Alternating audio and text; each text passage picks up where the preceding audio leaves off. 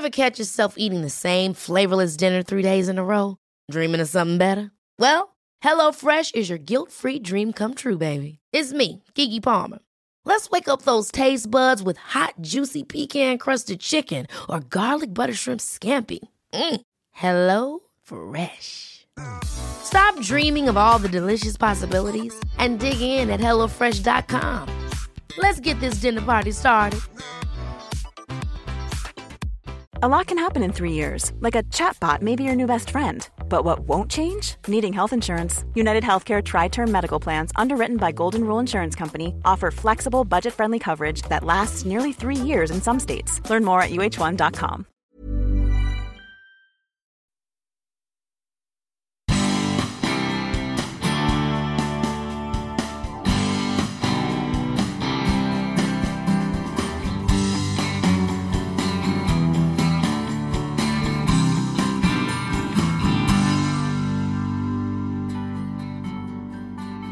AI och vad vi tror om framtiden blir ett allt hetare tema.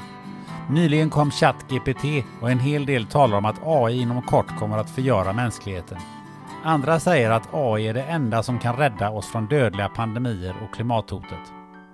Intervjun med AI-experten David Fendrich gjordes i början av 2020.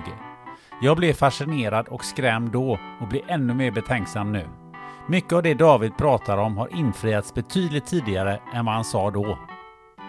Ahmed Mohammed blev klar med sin examen mitt i IT-krisen. Som entreprenör så tog han sig via en konkurs i ett transportbolag till att bli fyra i världen i World of Warcraft. Genom en kupp blev han digital rådgivare åt Stena-koncernens ägare Dan Sten Olsson. Här får du del av hans resa. Anna Franksén Starin, även kallad Robot-Anna, visar oss vägen till framtidens stad där AI är grunden till hur vi lever våra liv. Slutligen, när man pratar med Jon Eklöf så vet man aldrig vart samtalet tar vägen. Vi gick från AI till koranbränningar på 20 minuter. Hur gick det till egentligen? Dags för ett nytt avsnitt i serien Sommar i spännande möten.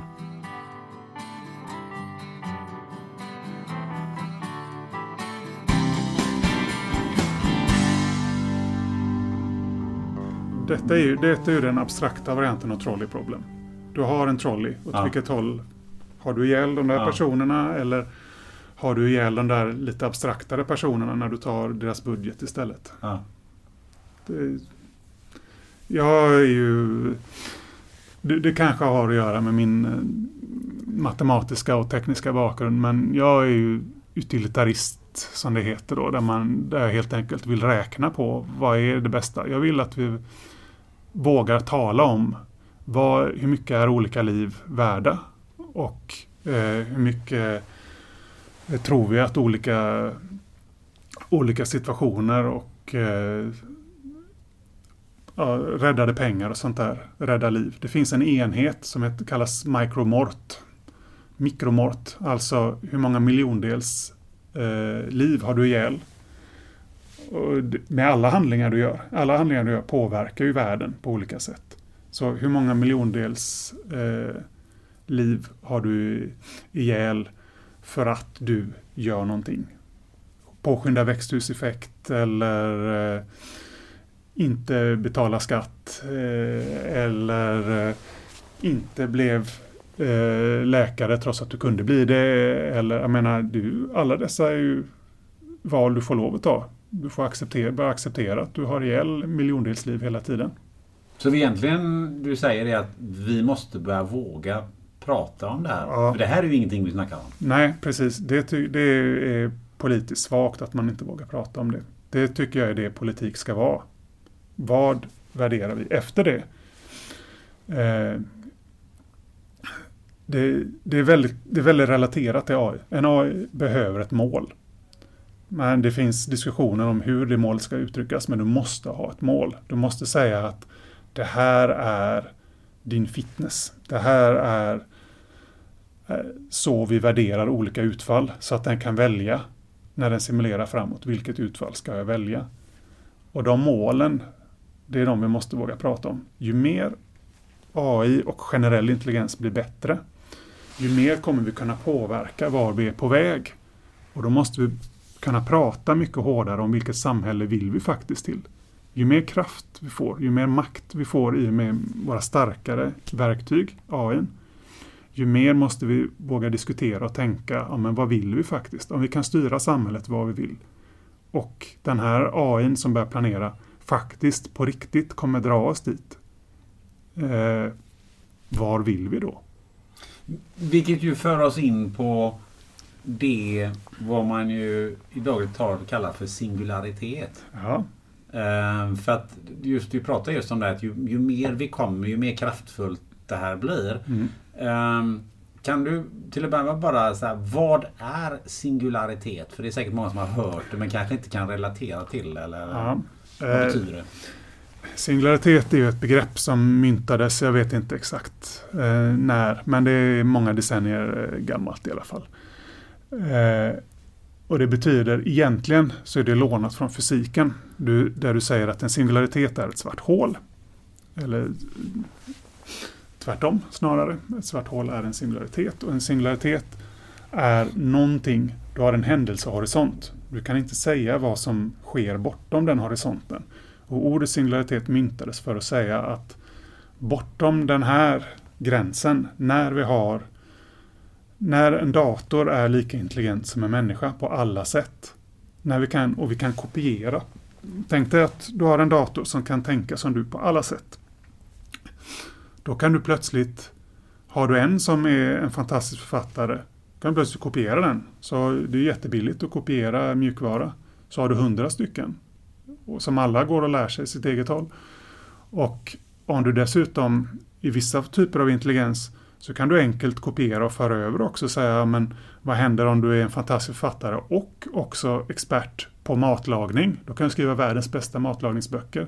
För att ta några naiva exempel på det här. Men eh, det, det är svårt. Eh, så singularitet betyder den gränsen i samhället när tekniken har kommit så långt inom framförallt artificiell intelligens så att vi inte längre kan förutsäga någonting. Vi kan inte se bortom den gränsen. Vad, hur kommer vi och hur kommer samhället fungera? För någonting som kommer hända då, om det sker, det är ju att du får en intelligensexplosion.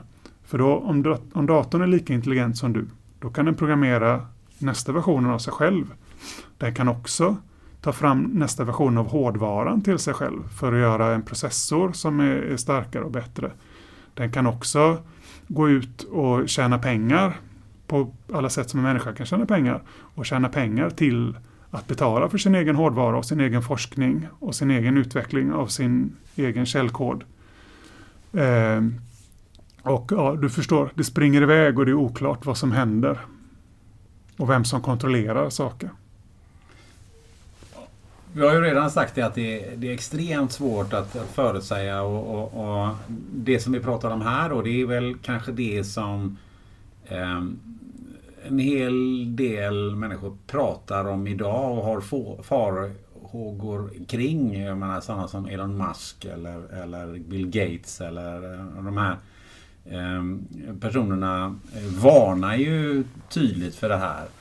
Eh, i, ena vågskålen, och andra vågskålen ska man säga så här att ja, vi tror att det här ska uppstå inom en, en, en hyfsad rimlig tidshorisont medan du, du säger så här att det här och många andra säger så att det här kommer aldrig kunna uppstå därför att eh, du kan aldrig få en dator till att gå, gå så långt och det kommer definitivt inte att uppstå inom de närmaste hundra åren finns det ju folk som säger. Så att, och att det, det, det är lite i den här science fiction-världen med att man lite överskattar Ehm, I det här fallet då datorns eh, eller den artificiella intelligensens utveckling och möjlighet. Hur, hur ser du på en sån här? Eh? Jag tycker att det är helt rätt att varna för det. Det är oklart vad vi ska göra åt det. Det finns vissa saker vi kan göra åt det. Men eh, det är helt rätt att varna för det. Elon Musk har blivit hånad av vissa för det, men totalt felaktigt. Det är eh, speciellt vissa framstående AI-forskare har gått emot honom till exempel och sagt att du, det här är en science fiction-variant av, av det vi har. Och det är en science fiction-variant av det vi har idag. Men det är in, när det väl börjar ske, när det börjar ta fart, så som jag berättade det här självförbättring eller på olika sätt, bara självförbättring av din egen mjukvara egentligen. När det börjar ta fart och snurra så är det väldigt svårt att veta hur snabbt det går. Går det på ett år eller går det på ett dygn? Eller går det på 50 år? Vi vet inte. Det är en risk. Jag tror min bästa gissning är att det inte kommer vara samhällets undergång. Men det finns en riktig, det finns ändå en möjlighet. Och finns det en 10% möjlighet, eller vad nu procenten är, då är det ju, om du multiplicerar 10% mellan värdet på hela vårt samhälle, så är det ganska stort värde i att se till att inte de 10 procenten händer, även om det inte är det troligaste som sker. Och då, det finns, vad som händer är inte det som händer i filmer, det är inte Terminator, det är inte att robotar plötsligt vill saker. Vad som händer är att en självförstärkande eh, självförstärkande effekt plötsligt löper amok på ett sätt som vi inte var beredda på och inte kunde kontrollera. Eh, till exempel, det klassiska exemplet inom de här eh, transhumanist och singularitetstänket. Det är uh, Grey Goo. Anta att du har uh, pyttesmå maskiner. Maskiner som är cell, stora som celler. Celler är ju maskiner på ett sätt. Anta att du kan börja göra dem uh, artificiellt. Och så styr du dem med en intelligens. Och så har du gett den intelligensen bara lite fel mål. Inte ett dåligt mål, men ett mål som är, gör de här grejerna. Och så börjar den tänka och planera och så börjar den inse att men jag kan göra många, du har en, den gör, tillverkar gem, det är dens mål. Den ska göra att du tjänar så mycket pengar på gem som möjligt. Ja, men om jag gör det här och bygger de här bottarna och så kan de springa runt och så kan de göra om hela det här rummet till nya sådana här små eh, mikromaskiner. Och så springer de iväg och så gör de om världen till en stor gemmaskin. eh, gemfabrik. då har jag optimerat mitt mål. Så naiva mål kommer vi förmodligen inte ge dem, men när man försöker då seriöst att ge AI bättre mål och mer konkreta mål, vad vill vi egentligen? Så är det svårt att ge mål som inte går att missförstå. Vi har ganska komplexa mål och önskemål som människor över hur snabbt saker kan ändras och sådär. Så det, det finns... Eh, det behöver tänkas på hur man har när eller om självförstärkande intelligens kommer, hur vi kan ha kontroll över den. Också den, också den andra frågan, var, vem har kontroll över den? Om, låt oss säga att den inte blir farlig utan att man kan ha bra kontroll, nästan matematiskt bevisa att man har bra kontroll. Vem får lov att kontrollera den? Vem får bestämma vad framtiden ska? För det räcker ju att någon får för sig att pilla lite i det här. Ja. Uh, och um, det för han ju ganska snabbt till någon som kom på att han vill köra någon sorts krigsföring. Ja, det vore negativt. Det kan man väl... det var ett milt uttryck. Ja. Uh, för... för uh, det, det måste ju... Men hur, då, då tänker man så här, hur, hur, låser man, hur låser man in det här då? Eller hur får man... Hur kan man behålla kontrollen över någonting som som du beskriver som någonting som börjar kontrollera sig självt? Det för att det är, smart, det är smartare än vad jag är som ska kontrollera det. Ja, den, den kommer inte kontrollera sig själv för att den vill kontrollera sig själv. Man ska inte eh, s, eh, sammanväxla det med liv. Vi är liv, vi kommer av evolution. Det gör att vi har väldigt specifika mål. Vi har överlevnadsmål och eh, andra typer av bestämmande och resursmål som andra intelligenser absolut inte behöver ha. De kan ha målet, de målen vi har gett dem. I dem kan det ingå att självdestrueras då och då, så kommer de tycka att det är världens bästa grej, för det är deras mål. Så man ska inte förväxla våra mål med vad andra intelligenser har för mål. Så den är inte... att den är intelligentare än du betyder inte att den har kontroll över dig. Men det betyder att om du inte har väldigt om du inte sätter målen väldigt väl då kan den springa iväg och göra saker. Det finns eh, i sagorna, i, eh, vi har historiska tankar kring det här. Anden i flaskan, du får tre önskningar. Det är sällan det går väl för personerna som får tre önskningar. För det går att missförstå dina önskningar. Och har du någonting som är anden i flaskan och kan knäppa med fingrarna och göra det du ber om så måste du tänka mycket mer än vad vi är vana på vad du faktiskt ber om. Be careful what, what you wish for. Jag tänker på din gemmaskin som du pratar om här. Eh, om det är så att den här gemmaskinen ändå på något sätt eh, det finns en inbyggd intelligens i den som säger så här att eh, när vi har sagt till den att vi får bara tillverka gen på det här sättet. Men att den är så intelligent så att den säger att det där var väl inte det mest effektiva sättet att tillverka gen. Jag gör så här istället. Och så går han loss på ja, inredningen eller... Det beror på vad du har gett den för mål. Om, ditt mål, om hans mål är att lyda dig i allting. Då kommer den inte tycka att... Då kommer den inte börja tillverka gen på ett eget sätt. Utan... Så det, det är ju inte så att den kommer tycka att någonting är bättre bara för att det är fler gem om du inte har sagt åt den att det enda som spelar roll är fler gem. Det, men det är svårt. Vilka mål man ger. Det finns forskning kring det. Det finns en herre som heter Eliza Judkowsky som jag rekommenderar alla att, att lyssna mer på. Som pratar mycket om friendly AI eh, och pratar mycket om varför sådana som Elon Musk hånas av Eh, vissa människor som vet mycket. Och att det handlar mycket om status. Det är låg status att prata om saker som låter otroligt och science fiction. Och det är inte akademiskt och inte seriöst. Och det är ingenting som, som, som man gör om, om man är en, en mogen seriös människa. Då pratar man om det som är här och nu. Men om man faktiskt tittar på riskerna och vad vi kan åstadkomma genom att bara lägga lite mer resurser på hur kontrollerar vi dem?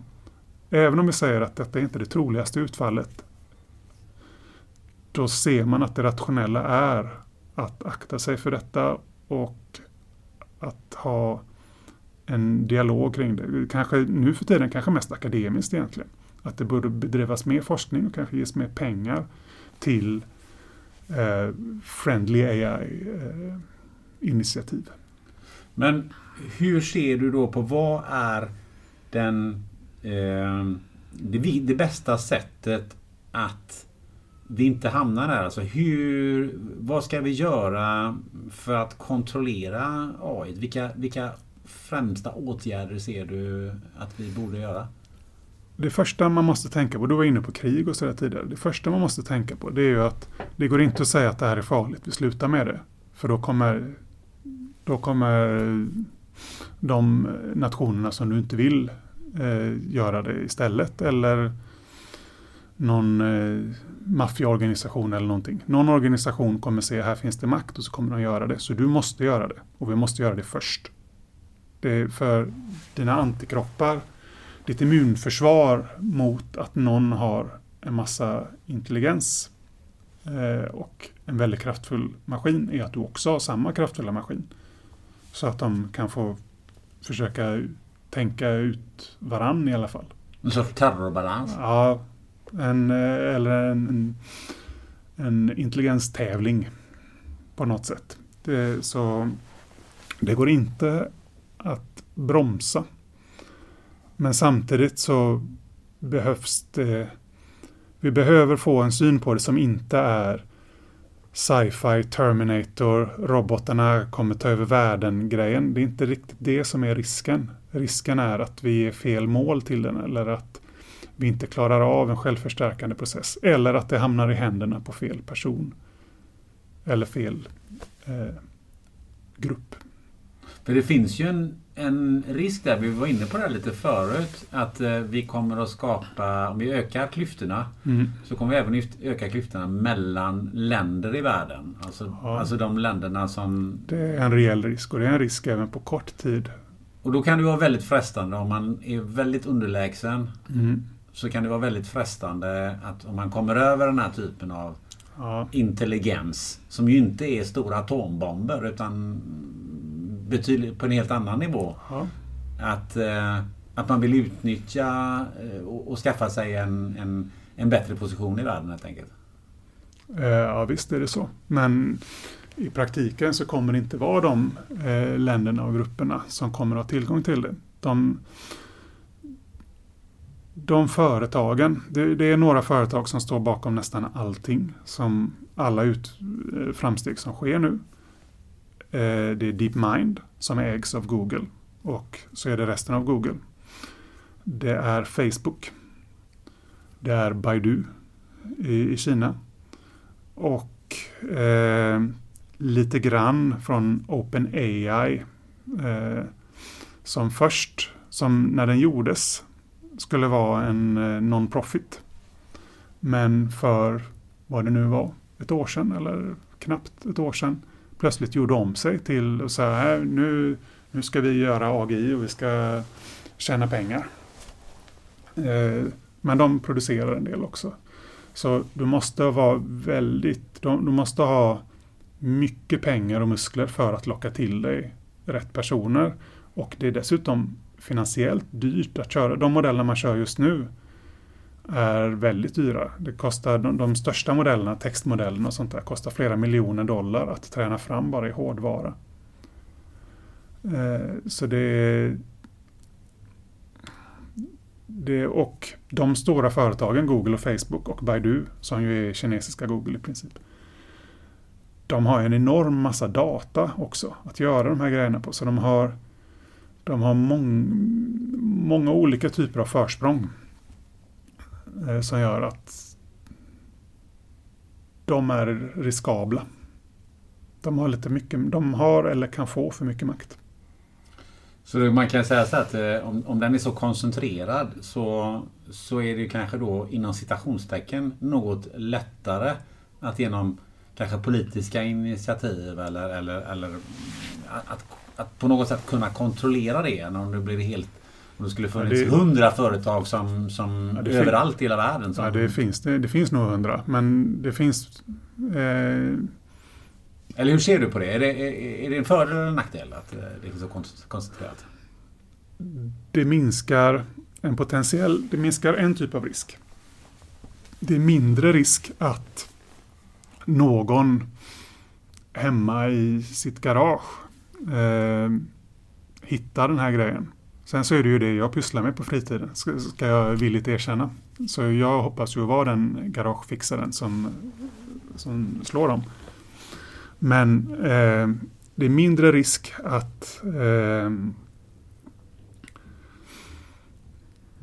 någon mindre nogräknad, någon som har min, ögonen på sig mindre och sånt där, plötsligt eh, upptäcker det och, och, får sin egen självförstärkande process.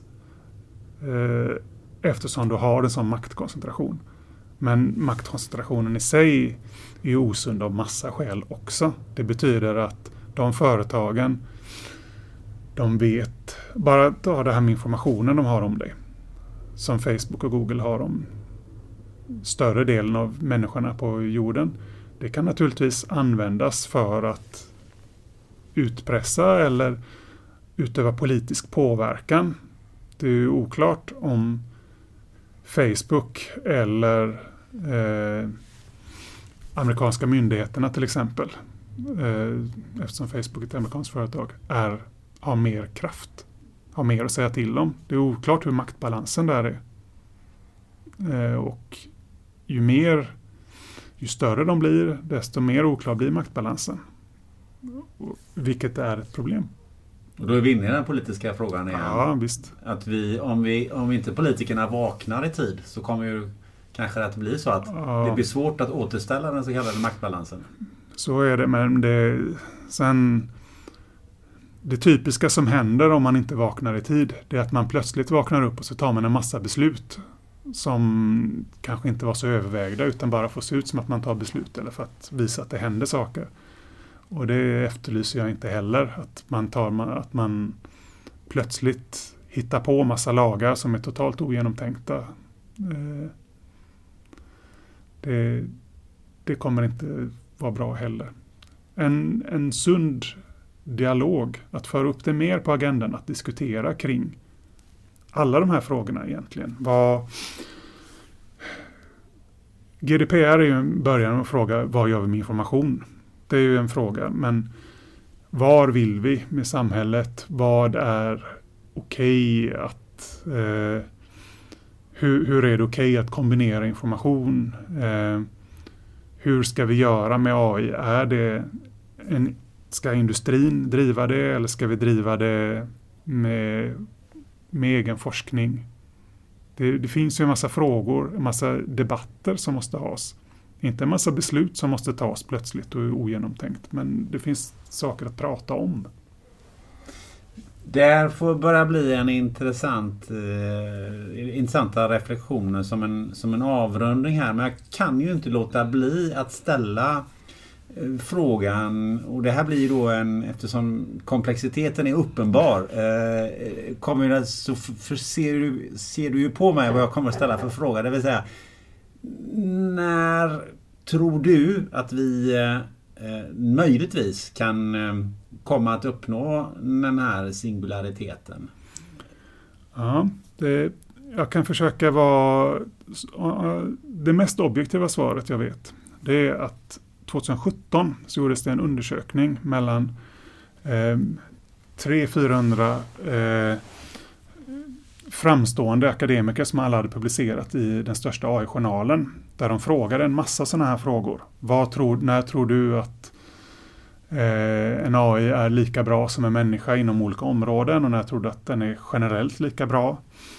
Och svaren på det eh, rörde sig, när, när är en dator ikapp människa på alla områden? Svaren på det rörde sig mellan 30 år ja, några var kortare till och med, men de, det var en eh, ganska många som säger 30 år. Det är medlet i Asien. Medlet i USA var mycket mer, kanske 70 år.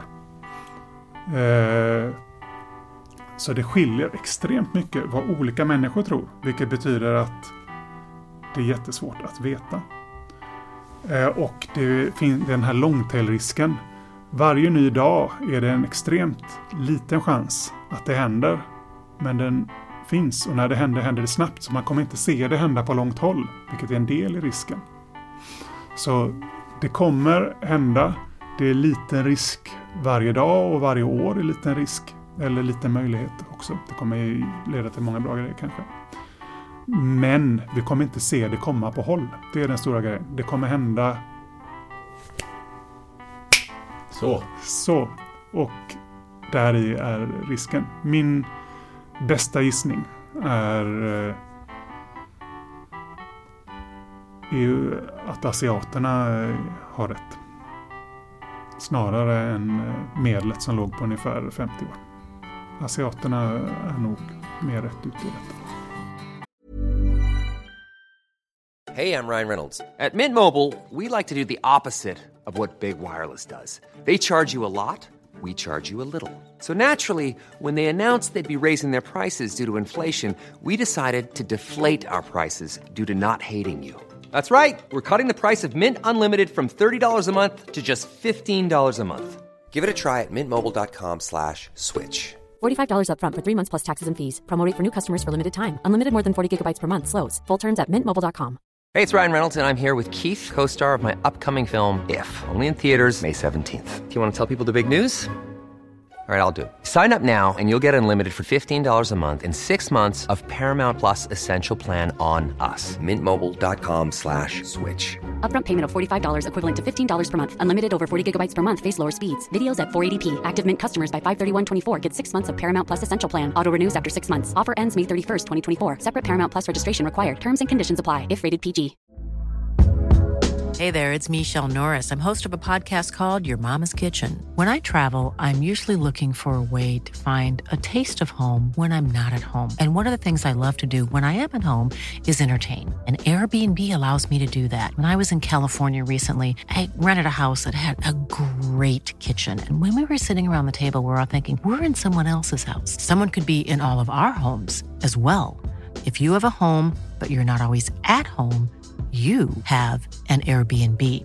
Your home might be worth more than you think. Find out how much at airbnb.com/slash host.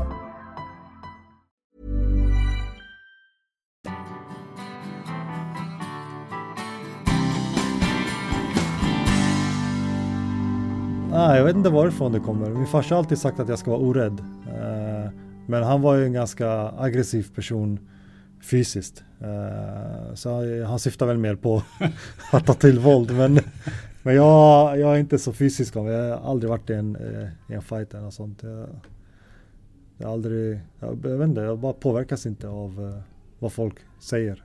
Ja, men mm. vad, vad, gjorde du sen efter magisterexamen? Det var ju när jag tog min examen så hade IT-bubblan spruckit. Det var 2001 någonting. Eh, så det fanns inga jobb alls. Eh, bara sex månader innan så hade ju Ericsson och Sony och alla de här kommit till skolan och försökt ragga oss. Sex månader senare så fanns det ingenting. Så jag flyttade tillbaka till Stockholm och det jag gjorde var att jag delade ut gratistidningar. Eh, Metro, då fanns det en tidning som hette City och så fanns det en tidning som hette .se och alla de här. Så jag började köra för ett åkeri. Bara körde ut tidningar. För någonting måste jag göra. Eh, och så fick jag höra att för vdn eh, för det åkeriet jag körde för, de höll på med ett projekt med en kille i Schweiz, en gammal kollega till honom. Så jag och så fick jag höra att de behöver någon teknisk person. Jag tänkte ja, coolt, ja men jag går dit och pratar med dem då. Så jag gick dit och så sa de, ja den, tidningen vill att vi ska bygga någon webbportal. Eh, där man kan ladda upp bilder på skadade ställ, där chaufförerna kan göra det. Um, och på den tiden vet, fick man ju ta en bild med en kamera, sen USB och sen koppla den till datorn. Det fanns inga mobiler och sånt. Uh, så uh, innan var de tvungna att åka till kontoret för tidningen, visa bilderna på ställen och säga kolla det här är sönder, är det okej okay att jag fixar det? Och då säger de ja, för då ska de ju betala för det också. Men det var ineffektivt, så då kom de på att ah, men fan, jag känner en kille i Schweiz, han är en duktig programmerare. Han kanske kan bygga någon portal där man laddar upp en bild och sen kan tidningen logga in så kan de se och så kan de godkänna. Och, och webblösningar fanns ju inte på den tiden. Det här var ju 2002. Så det fanns inte alls på kartan. Så jag pratade med killen i Schweiz via telefon eh, och så frågade han, ah, kan du programmera? Ja, ah, lite kan jag. Men jag lovar att jag kommer bli skitbra på det inom sex månader. Han bara, ja okej okay, du är ärlig i alla fall, vi kör då så får vi se. Så började vi bygga den här eh, modulen och så blev den så jävla bra och så ville de ha, hade de en annan idé så byggde vi den modulen också. Och så blev den också bra och så byggde vi en tredje, en fjärde. Och till slut så blev det ett helt eh, distributionssystem som var specialanpassat för gratistidningar. För det fanns inte då. Så de gratistidningarna på den tiden körde samma system som betaltidningar. Mm. Eh, och gratistidningar har ju andra fokus. Ett, ett, ett, av, en av de viktigaste grejerna för en gratistidning det är att eh, minimera antalet eh, eh, returer. Så det får inte vara noll i ett ställ. Därför då har de gjort för få, eller lagt dit för få.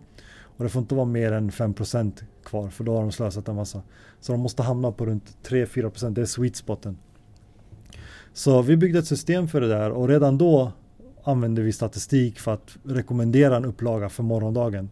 Så vi tog in väderdata till exempel. Jag vet att SMHI hade precis släppt ett API så vi kunde få in lite väderdata.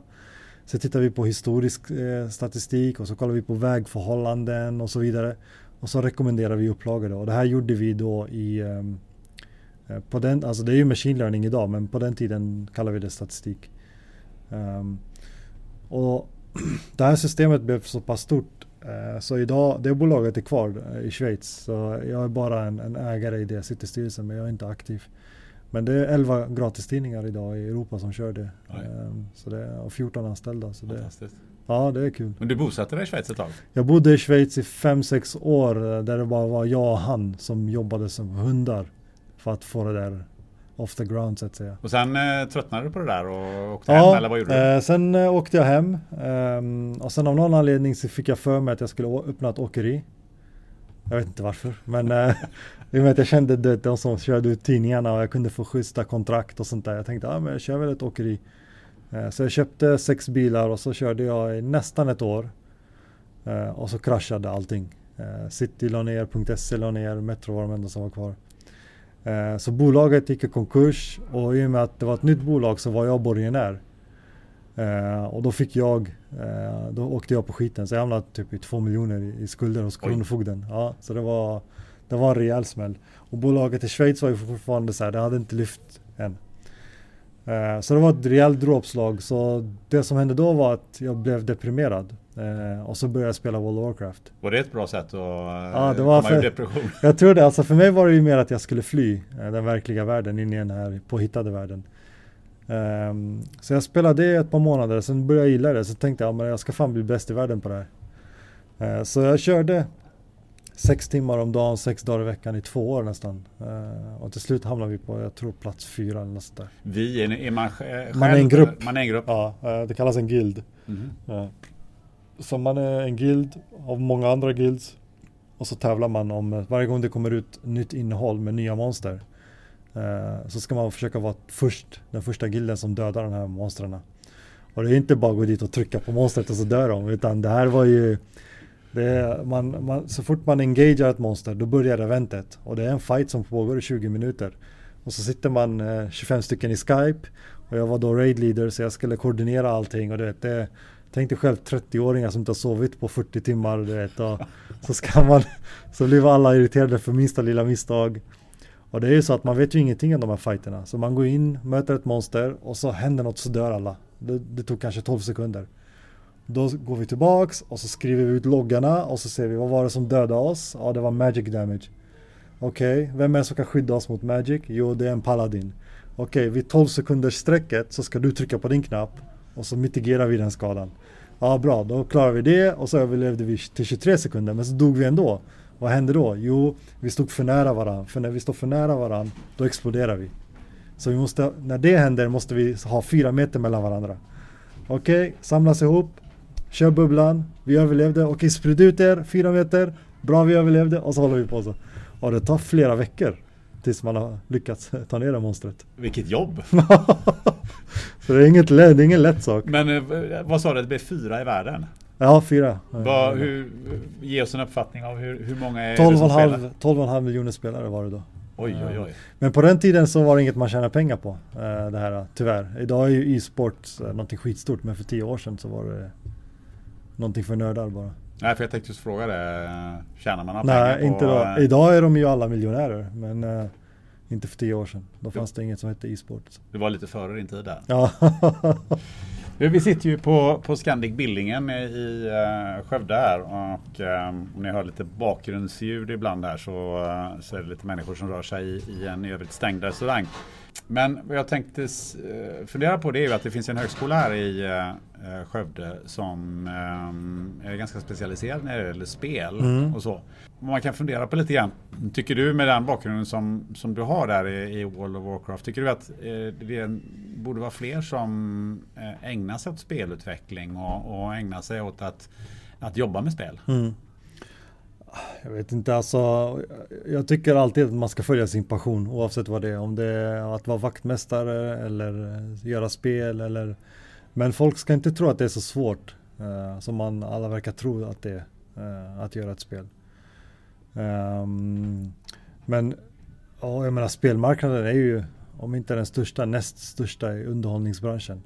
Jag tror den största. Den är större än eh, film också. Men är det inte så att eh, spel också eh, i- inte bara är spel för att spela World of Warcraft eller något annat utan det är ju en, en, en utveckling som där man kan eh, träna på att eh, operera människor eller på eh, Ja, ja, att testa ekonomiska teorier Ja. eller vad det nu må vara för någonting. Ja det finns ju spel som till och med hjälper medicin. Jag menar man ska så här veckla proteiner och sånt där helt på random. Och man kan tro att det är, ett, ett pussel men det är det ju inte. Man hjälper ju faktiskt datorer att eh, visa dem hur man, ett protein fungerar och så vidare.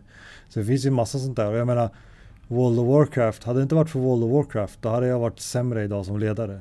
Eh, för att det, många av mina ledarska, eh, ledaregenskaper kommer ju från min tid. Där jag var tvungen att managera 25 personer som alla var irriterade och hungriga och man måste vara kall hela tiden och analysera det som händer och ta action på det och så vidare. Eh, Så mycket kommer ju därifrån. Mycket av det jag använder idag. Det tänker man ju inte på om man normalt sett som ledarskap då ska vara inom, inom idrott eller ja, något annat. Då, man tänker man... så här, man måste ha en MBA från Oxford du vet och sånt där. Men eh, idag, alltså skolans betydelse idag är ju det är inte lika stor som den var då. Är det något annat du tar med dig från den speltiden in i den, den världen du jobbar i idag? Ja, alltså det är ju det att um, uh, ingenting är uh, omöjligt. Uh, många, alltså många scenarion när vi spelade World of Warcraft, då tror man ju det här är ju helt omöjligt. Det här går bara inte. men till slut går det. Och sen är det ju kul att jag gillar ju fantasi. och i en spelvärld så kan ju vad som helst hända. och lite av den approachen måste man ha i den verkliga världen också. Jag vet att det är en eh, jobbannons som vi hade för eh, vår Head of AI på, på Stena Line. I annonsen så stod det att om inte du tror att teleportering är möjligt så är inte du, det är inte det här för dig. uh, ja, så, det tar det riktigt långt. Ja, nej men man måste tro att allting är möjligt. För det är ju livsfarligt att tro att någonting inte är möjligt bara för att det inte går just nu. Jag menar, tänk dig själv för 2000 år sedan hur absurt det skulle låta om någon sa men vi kommer gå på månen. Nej, men det är helt omöjligt. Nej, nu gick det ju. Det tog 2000 år men så ingenting är omöjligt. Men äh, jag tänker på de här två åren med World of Warcraft. Sen, sen kände du att nu får det räcka eller nu? Ja, alltså det som hände var ju att eh, jag gick upp i vikt ganska rejält. Så jag var uppe i 122 kilo eller något sånt där. Eh, och det var faktiskt frugan som fick mig att, ta tag i det. För hon sa ju helt enkelt att eh, ja, det blir ingen mer sex för dig om inte du skärper dig. Oh, det var raka tydliga besked. Så det var, hon tyckte väl att jag, nu får det räcka. Uh, så jag tänkte shit, okej okay, nu blev det allvar. Uh, så det jag gjorde var att jag slutade spela och sen uh, laddade jag ner Runkeeper. Det här var typ 2008 eller 2009 någonstans där. För då hade ju App Store precis släppts. Och så visste jag att det här konceptet med appar fanns nu och det fanns träningsappar och det finns alla möjliga appar. Så jag laddade ner en träningsapp, det var ju Runkeeper i det här fallet, men jag tyckte det var så tråkigt. Så det jag gjorde var att jag tänkte så här, fan det här måste gå att göra roligare. Uh, så jag ringde en, en kompis som är designer, uh, Magnus Osbeck heter han. Så frågade jag honom, fan kan inte vi göra någonting där man typ man, man joggar men så levlar man en spelkaraktär samtidigt. Uh, så det är typ, det är som World of Warcraft, du får din spelkaraktär och allt det där.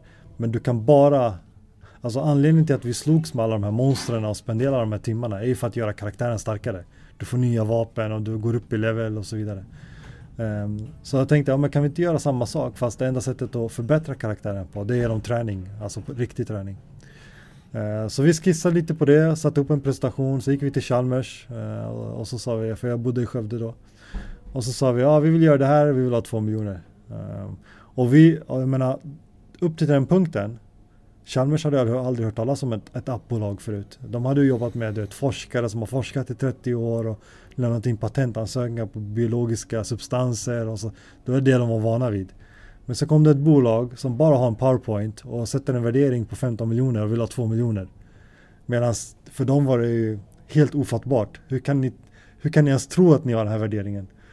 Uh, men eh, de tänkte, ja, ja men det här med appar, det kanske är någonting vi borde ge oss in på. Uh, så vi var det första appbolaget de investerade i. Uh, Ni fick två miljoner? Ja, vi fick två miljoner. Totalt tog vi in en, jag vet, 16 kanske någonting. Till slut. Ja, modigt av dem. Ja, men det var ju en, en, en, lärande resa både för dem och för oss. för de anpassar ju sen sina program. hela det här nya de har nu med det här Chalmers Ventures tror jag de heter nu och allt det där med startups och sånt. Jag menar, det var vi som påbörjade tillsammans med dem. De hade aldrig annars gått in i ett äh, appbolag innan oss. Och sen är vi väl framme någonstans i höjd med eh, Stena Line. Ja, precis. Eh, och jag, jag funderar lite så här, så att Stena Line då, det är ju då för mig det är ett, ett, ett ett relativt gammalt företag i en eh, väldigt gammal bransch. Mm. Redarmiljöer med eh, bruna teakväggar. Ja. Eh, stora målningar på gamla skeppsredar. ja, det är lite så. Eh, och eh, det känns ju som att där kastar de in handgranat i organisationen. ja, det var det de sa också till mig efteråt att det var det rekryteraren hade sagt. Det som hände var ju att vi hade ju sålt det här appbolaget. Ehm, så jag började investera lite i bolag här och där. Visste inte riktigt vad jag skulle göra. Men så fick jag ett samtal då från eh, någon headhunter. Som frågade så här. Ja, ah, jag läste om dig och ditt appbolag och sånt där. Ja, ah, kul. Ja, Stena, de behöver någon app-expert. Uh, jaha, okej. Ja, kan du tänka dig att, att, att jobba med dem? Ah, alltså det, jag har varit entreprenör, aldrig jobbat för någon hela mitt liv fram till den punkten. Och helt plötsligt är det så här som att någon frågar mig, vill du jobba för Skatteverket? Eh, så jag tänkte, ja, men jag har aldrig varit, sagt nej till ett möte, jag är aldrig den personen. Jag tänker, jag tar väl alla tillfällen att träffas, man vet aldrig. Så jag tänkte, ja men jag tar det mötet. Eh, så jag gick dit, nu i efterhand inser jag ju att jag var extremt arrogant, för jag behövde inte jobbet. Men jag tänkte jag ska säga till dem vad jag tycker om stora bolag och vad deras problem är. Så jag bara pff, la ut det hela. Ja, ni är arroganta, ni har IT-avdelningar. Jag menar vilket modernt bolag har en IT-avdelning idag? Det är bara bolag som har råd med det. Eh, I ett startup eller ett litet bolag eller Spotify eller vad det nu kan vara så finns det inte IT utan det finns bara utveckling. Om det är affärsutveckling eller programmeringsutveckling, det spelar ingen roll. Det finns en grupp som har hand om en funktion oavsett vilka kompetenser de har. Medan ni har, ja de är IT och de behöver inte veta allting och vi är affärsutveckling, det är vi som ska veta allt. Och, så jag sa precis vad jag tyckte och tänkte. Eh, Sen gick jag ut därifrån och tänkte, ja de kommer aldrig ringa. Men så tog det typ eh, tre timmar eller något, så, så ringde den här rekryteraren då. Ja, alltså jag vet inte vad du sa där inne men eh, det var en viss hatkärlek i, i deras respons. Jag var okej, okay, ja, så vad vill de nu då? Ja, de, de vill att du ska börja. Jaha, okej, okay, men jag hoppas jag var tydlig med vad jag tycker och sånt där. och att Det är inte så himla lätt att kontrollera mig. Eh, nej, de, de var med på det. Ja, ja visst. Eh, så jag gjorde lite psyktester och sånt. eh, för jag skulle få en, led, en, en chefsposition. Så personlighetstester och sånt. Och så kom de fram till då att jag var den första i deras rekrytering som hade fått helt gult. Nu kommer jag inte ihåg vad det innebär men jag hade helt gult, inga andra färger, bara gult. Och Ja, jag den tror- här i den här färgskalan. Ja, rött och gult och, ja, och blått och grönt. Och jag tror det har att göra med kreativiteten och sånt där, jag vet inte. Eh, eller craziness eller ostruktur eller något sånt där. Eh, vilket stämmer ju in eh, alla de tre grejerna. Så, ehm, och då sa han så här, ja jag, jag har gått igenom testerna med dem och jag har sagt till dem att, att anställa dig är som alltså, att slänga in en handgranat i organisationen. Och jag tänkte, ja det är ju passande när de heter Mohammed också. Det så han skrattade som fan. Jag bara, nej jag skojar bara. Fan, det? det behöver inte vara så allvarligt. Så att Eh, han var okej, ja visst, ja, kul. Eh, nej, så jag började där och ganska tidigt så det som chockade mig med, jag började på IT på den delen för då fanns det fortfarande en IT. Nu tror jag inte det finns längre men då fanns det. Eh, så jag började där och, och, och jag minns tydligt så här. Eh, ja, det, satt, det satt en tjej och programmerade någonting. Så jag gick förbi så tyckte jag, ah, fan vad ball det här verkar. Satte mig ner bredvid henne, ah, vad gör du för något? Ja, jag ska kommer inte ihåg vad det var, men det var någonting med, med en knapp som skulle ändra färg när man gjorde något speciellt. Ja, ah, okej, okay, coolt. Så, här, och varför ska du göra det för? Ja, men det står här i min tasklist. Ja, ja, jo, visst, men varför? Nej, men det står här. De har sagt att jag ska göra det. Jo, men det fattar jag, men vad är problemet? Vad är det du försöker, försöker lösa? Vad hoppas du på för resultat? Ja, jag vet inte. Ah, hur många är det som inte kan hitta knappen nu? Ja, jag vet inte. Okej. Men du bara sitter här och gör då, eller jag förstår inte. Ja, det är väl det är mitt jobb. Ja, men ditt jobb är väl att ifrågasätta också. Och kanske komma på egna nya lösningar. Du har ju kunskap som inte de har. De måste ju tala om för dig vad problemet är, inte vad du ska göra. Det löser väl du själv? Nej, det, de har sagt till mig att göra det här. Och då blev jag så här helt paff. För det första så kunde jag inte fatta att ett bolag, jag menar i ett startup så vet man allt. Alla vet allt vi har inte råd med någon som inte vet hur bra sidan konverterar eller hur många är det som startar upp en app och inte trycker på login eller hur många är det som trycker på login men sen stänger ner. Vi vet allt. För vi har inte råd att inte veta. Hur kan ett bolag som omsätter 12,5 miljard inte veta? Jag blev helt fascinerad. Jag tänkte fan om ni hade vetat då hade ni gjort 120 miljarder. Så jag blev så här helt chockad. Så jag skickade iväg ett mail till eh, Stena Line-ledningen. Eh, och det skapade det jävla våg för ingen på IT hade någonsin skickat iväg, alltså ta kontakt med ledningen på ett annat bolag. Det var ju bara IT-chefen som fick göra det. Eh, och då sa jag till, till, till just den killen, Jari Virtanen som var ehm, eh, Transformation Officer på Stena Line då. Ehm, då sa jag att han, hej mitt namn är Amr Mohammed, du måste träffa mig. Och jag tänkte vad är det för jävla nisse som bara kommer från eh, IT och han frågar IT-chefen, eh, vem är det här? Nej shit, oh, förlåt, han skulle inte ha mejlat er. Han bara nej nej, jag spelar ingen roll, jag vill träffa honom. Han verkar ju ha något att säga. Så jag gick dit, så jag drog en presentation eh, där jag visade att det här ni gör, det är skit. Det, det kommer inte hålla. Det är så här vi måste göra. Och han satt där med hakan i golvet. Så han förstod inte hur han skulle reagera. han tyckte så här, och han berättade det efterhand. Han berättade den här historien hela tiden. Han, han säger så här, ja men alltså det han säger är vettigt. Men han är så jävla kaxig och skäller ut mig. Så jag förstår inte. Men samtidigt så har han ju visat mig hur det ska göras och det verkar vettigt. Så han visste inte hur han skulle reagera riktigt. Så, så på den vägen ner så fick jag in en fot där och sen eh, började folk höra mitt namn i huset och sånt där. Och sen har vi så här, varje år eh, har vi någonting som kallas, eh, kallas Stenadagen.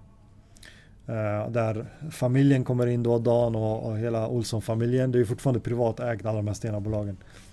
Eh, och så kommer vdarna in för de olika bolagen och alla ledningspersoner och styrelsen och sånt där. Eh, så hade IT bett mig presentera då på den här dagen. Eh, för att IT hade alltid alltså, hamnat i skymundan. Men det här året skulle IT få presentera och då visste de att eh, i och med att de hade sett och hört förut att jag är en duktig presentatör Eh, så bad de mig presentera. Och då sa jag, ja visst du kan göra det. Så jag visade vad jag skulle presentera och då sa IT-chefen, nej men det där kan du inte säga. Nej det får du inte. Och så censurerade han presentationen då och sa, det här får du visa. Ja, ja visst. Men sen på presentationsdagen så gick jag i backstage och så bytte jag ut dem till originalpresentationen. Så jag tänkte fuck it, antingen får jag sparken eller så, så blir det bra. Och det jag gjorde då, eh, det här var ju tre år sedan och för tre år sedan då fanns det ju inte de här buzzwordsen som eh, digitalisering, AI, machine learning och allt det där. Man började prata om big data för tre år sedan. Det var typ det man eh, brukade prata om. Att man ska ha mycket data och mycket data är bra. Men det är ingen som förklarar vad det skulle vara till för. Men jag, i och med att jag är nörd så läser jag mycket varje dag. Jag läser typ 40 artiklar om dagen. Det är allt från doktorandpublikationer, Eh, patentansökningar till vanliga artiklar på Techcrunch och Forbes och alla de här, Wired och allt det där. Så redan då så började jag förstå att ja, men det, här, det här med AI, det verkar vara någonting som kommer bli viktigt. Och det här var tre år sedan. Så, jag, så i min presentation då ville jag göra en bold statement. Så det jag gjorde var att jag tog fram eh, ett koncept som jag kallar Pluto. Eh, och då sa jag att Pluto är vårt AI och det kommer styra hela Stena inom tio år. Och det var det han inte ville att jag skulle säga då. För ingen har hört talas om ordet AI. Ingen vet ens vad det är för något, hur det fungerar eller hur man gör för att lyckas med det du precis har påstått att vi ska göra. Men jag tänkte att men fan vi har tio år på oss, det löser sig.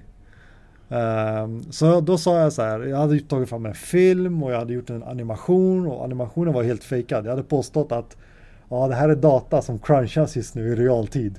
Men det var bara en fejkad animation. Men det spelar ingen roll, det säljer ju. Eh, så jag lanserade det här Pluto och så kom det film och så är det massa neuroner som krockar med varandra och så skapas det, det ser ut som en hjärna. Så bara, det här är Pluto, om tio år, Den här, den här dagen måste ni komma ihåg. För om tio år så kommer det vara den här entiteten som styr alla bolag. Och det blev helt jävla tyst i, i salen. Och så ser man IT-chefen han tar sig glasögonen och så tittar ner så jag vet inte vad han bara vill, man ser hur han vill sjunka ner. Och så ställer, så går det där, det känns som det tog typ tre minuter men det tog kanske tre sekunder. Så ställer sig Dan upp, som är Dan Sten Olsson, ägaren av hela imperiet. Och så börjar han applådera. Det. Och jag menar om Gudfadern applåderar då måste ju alla andra också göra det. Så alla ställer sig upp och så applåderar. Fan vad bra och vad häftigt och vad är det här för något Och, Jag vet inte men vi löser det. Det är tio år på oss.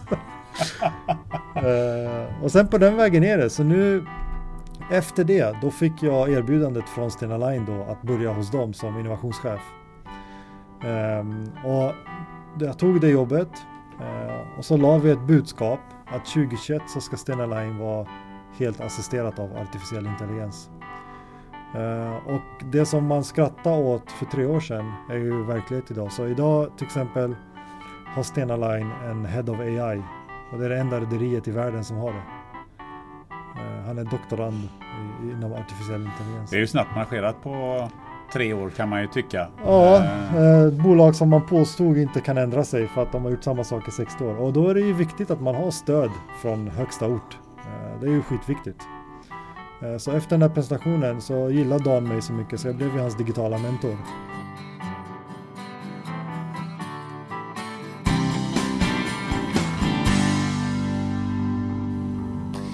Intressant eh, sak. Jag tänkte koppla tillbaka till det här med, med um, politik uh, och AI. Mm.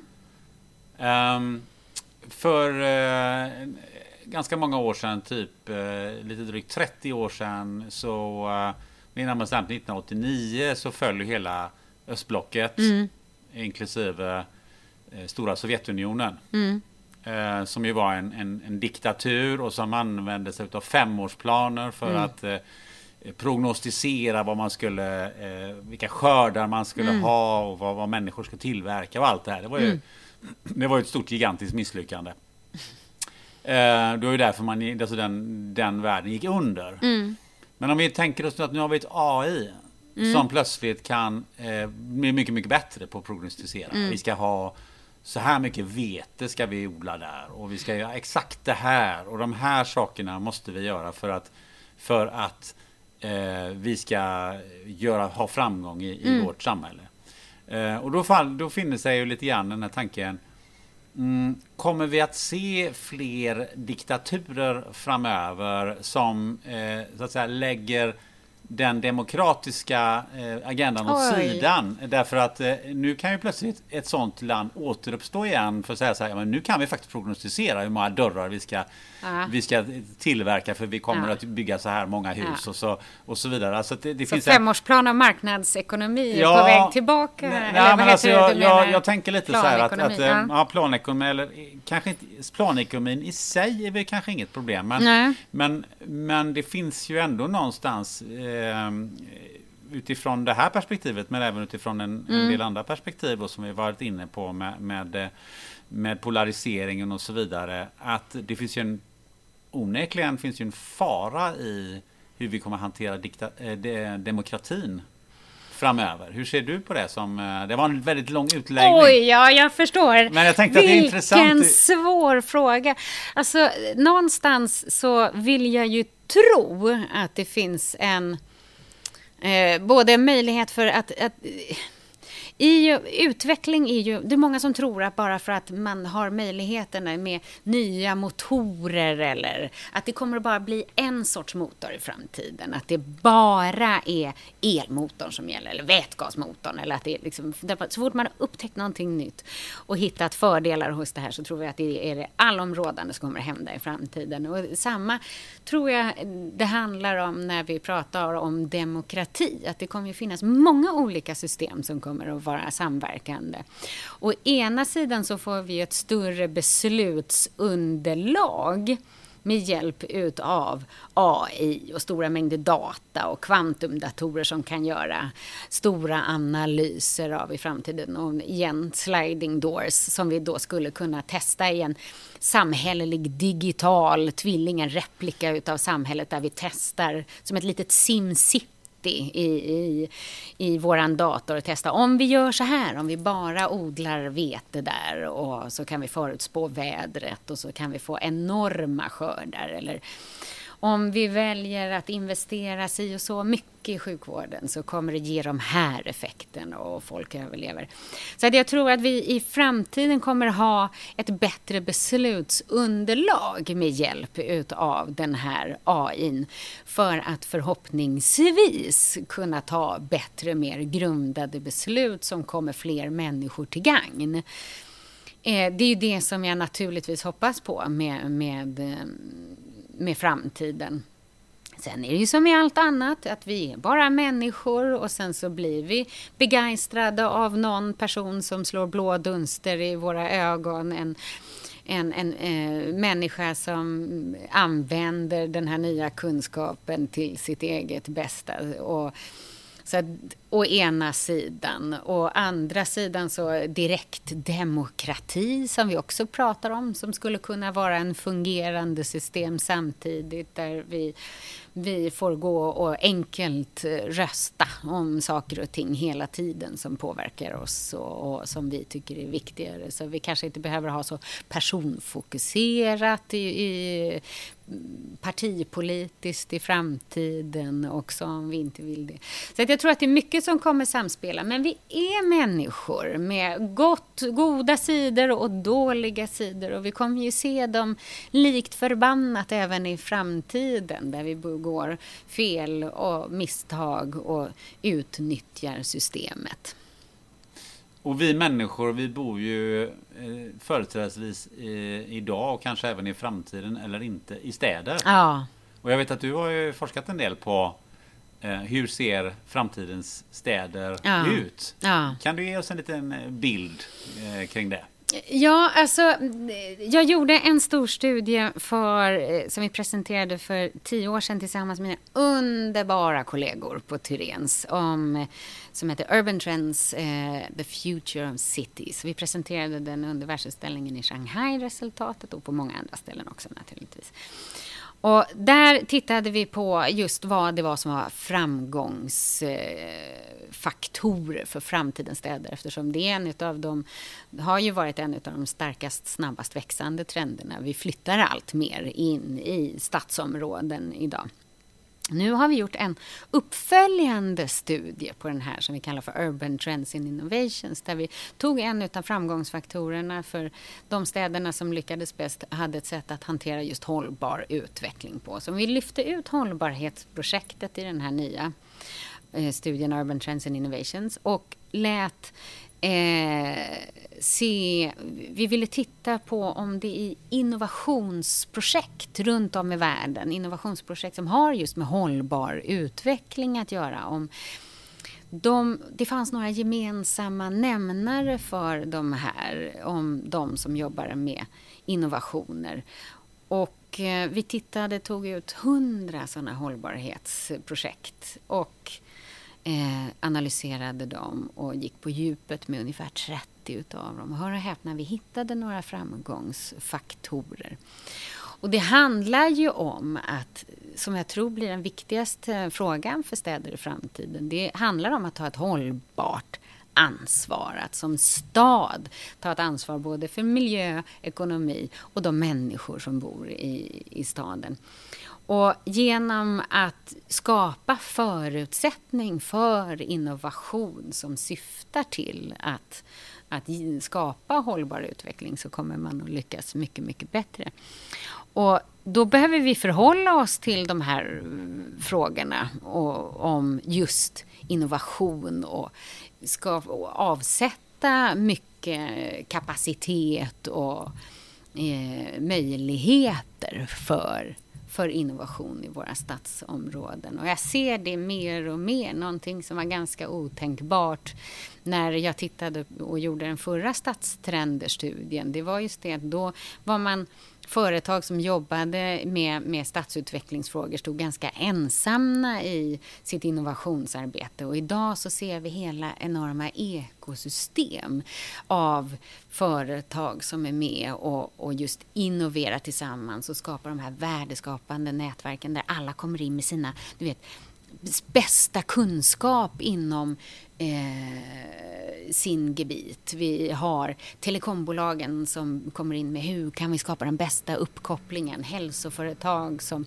som bidrar med sin mm, absolut bästa kunskap om hur vi skapar eh, de bästa hälsoförutsättningarna för människor. Så bakar vi ihop de här stora ekosystemen av företag, organisationer och personer och, och representanter från akademi så kan vi få en utveckling för framtidens städer som är jättepositiv om vi gör det på rätt sätt. Och det tror jag att vi kommer att se väldigt, väldigt mycket mer av i framtiden. Men då blev vi ju alla sugna på att lyssna lite på Ge oss några exempel på hur framtidens stad, vad nu framtiden, vilket långt tidsperspektiv, men en, en stad Eh, kanske säga till 20-30 år. Ja. Vad, vad, vad, vad är det vi ser? Vad är det vi liksom ser handfast? Vi tittar ner på Vasagatan och, och, och Kungsgatan och det här nu. Så ser vi det vi ser just nu. Vad, är det, vad, vad ser vi om, om 30 år?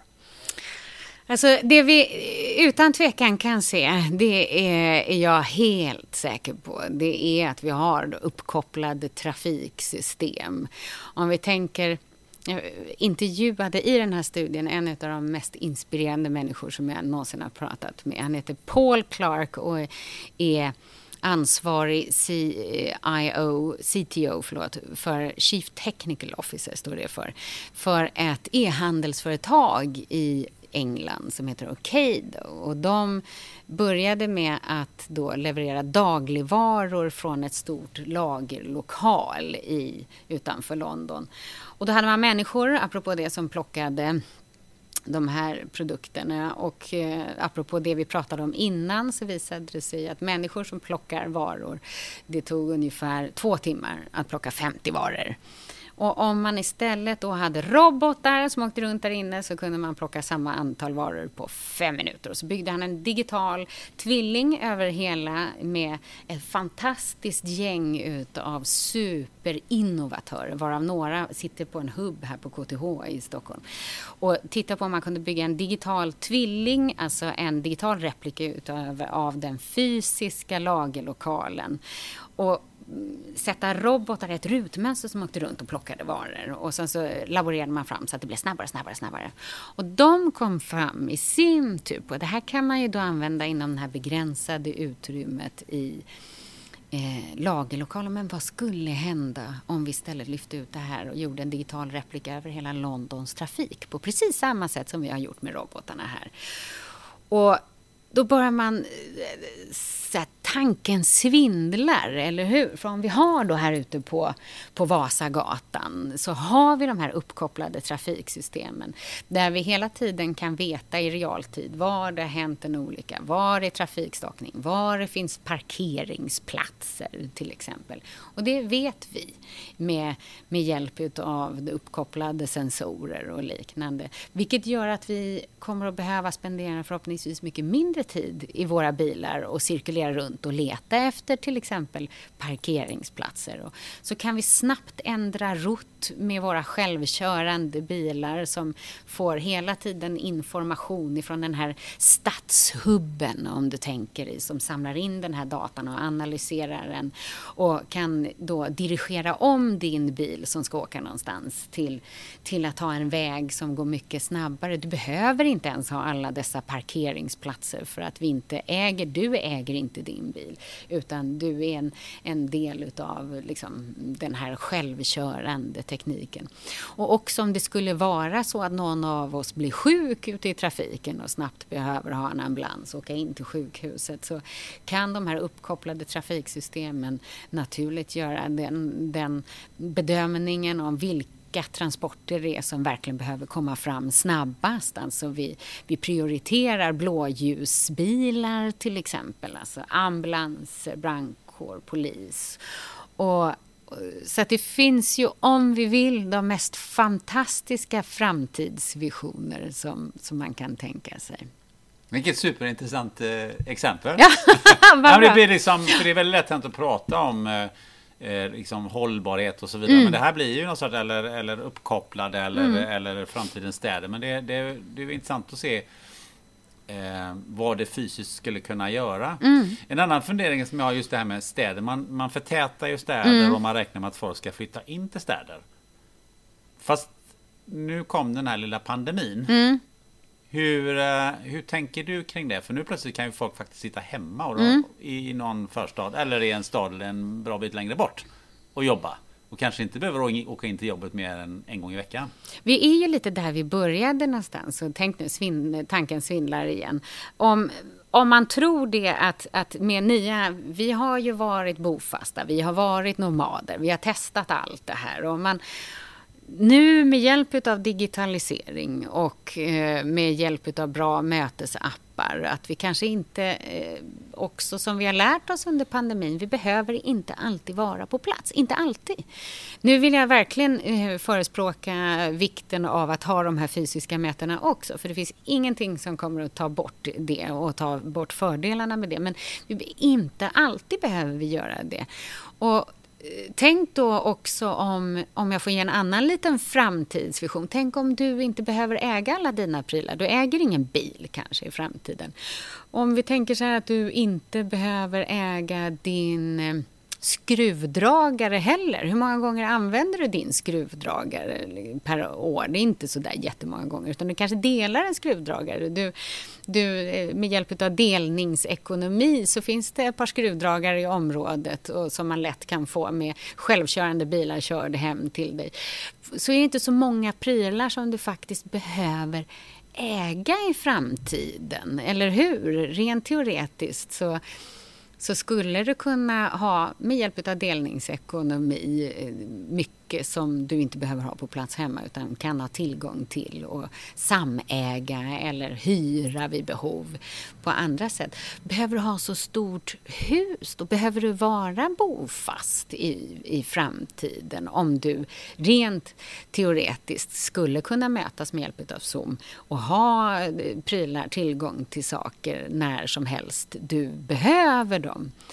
Tänk om du istället då skulle liksom abonnera på någon sorts boende eh, möjlighet där du när du vill bor kanske på sommaren på Gotland eller, och vintrarna uppe i Åre för du gillar att åka skidor. Och att det kanske blir lite mera nomad i framtiden. Det låter som en perfekt framtid för mig. Jag, jag älskar Gotland, jag älskar att åka skidor. Jag med, så det var väldigt nära till. Och, och mm, jag skulle kunna tänka mig att det här är en tänkbar framtid. För om vi inte behöver äga allt som vi äger idag. Den här skruvdragaren som jag pratar om har hört att man har faktiskt beforskat hur många gånger man använder en skruvdragare och det är så här sex, sju gånger. Alltså, det är inte värdigt att köpa en svindyr skruvdragare för det och inte så särskilt hållbart heller. Och om vi inte behöver husera alla dessa prylar, nej, kanske vi inte behöver ha, äga ett hus på samma sätt. Eh, vi var ju inne på det här igen i, i början någonstans när jag läste upp den här meningen. Mm. Att eh, eh företagen ska eh, våga innovera eller vara innovativa mm. eller se in i framtiden eh, som jag sa. Men eh, nu är vi lite tillbaka till det. Jag tänkte sy ihop det här med, med hur får vi företagen och människor att bli mer innovativa? Mm. Vilken, vilken, vilka strukturer behöver vi skapa? Ja, Alltså, det är det som vår studie Urban Trends and Innovation som tittade just på 100 innovativa hållbarhetscase där ute. Och det finns ju några självklara sanningar. Jag hinner inte dra igenom dem alla här och nu. Men den eh, eh, den första och den kanske viktigaste handlar om att man inte kan innovera själv. Eh, om man är ledare för en organisation eller ska driva någon sorts innovationshubb av någon form så, så måste man veta det.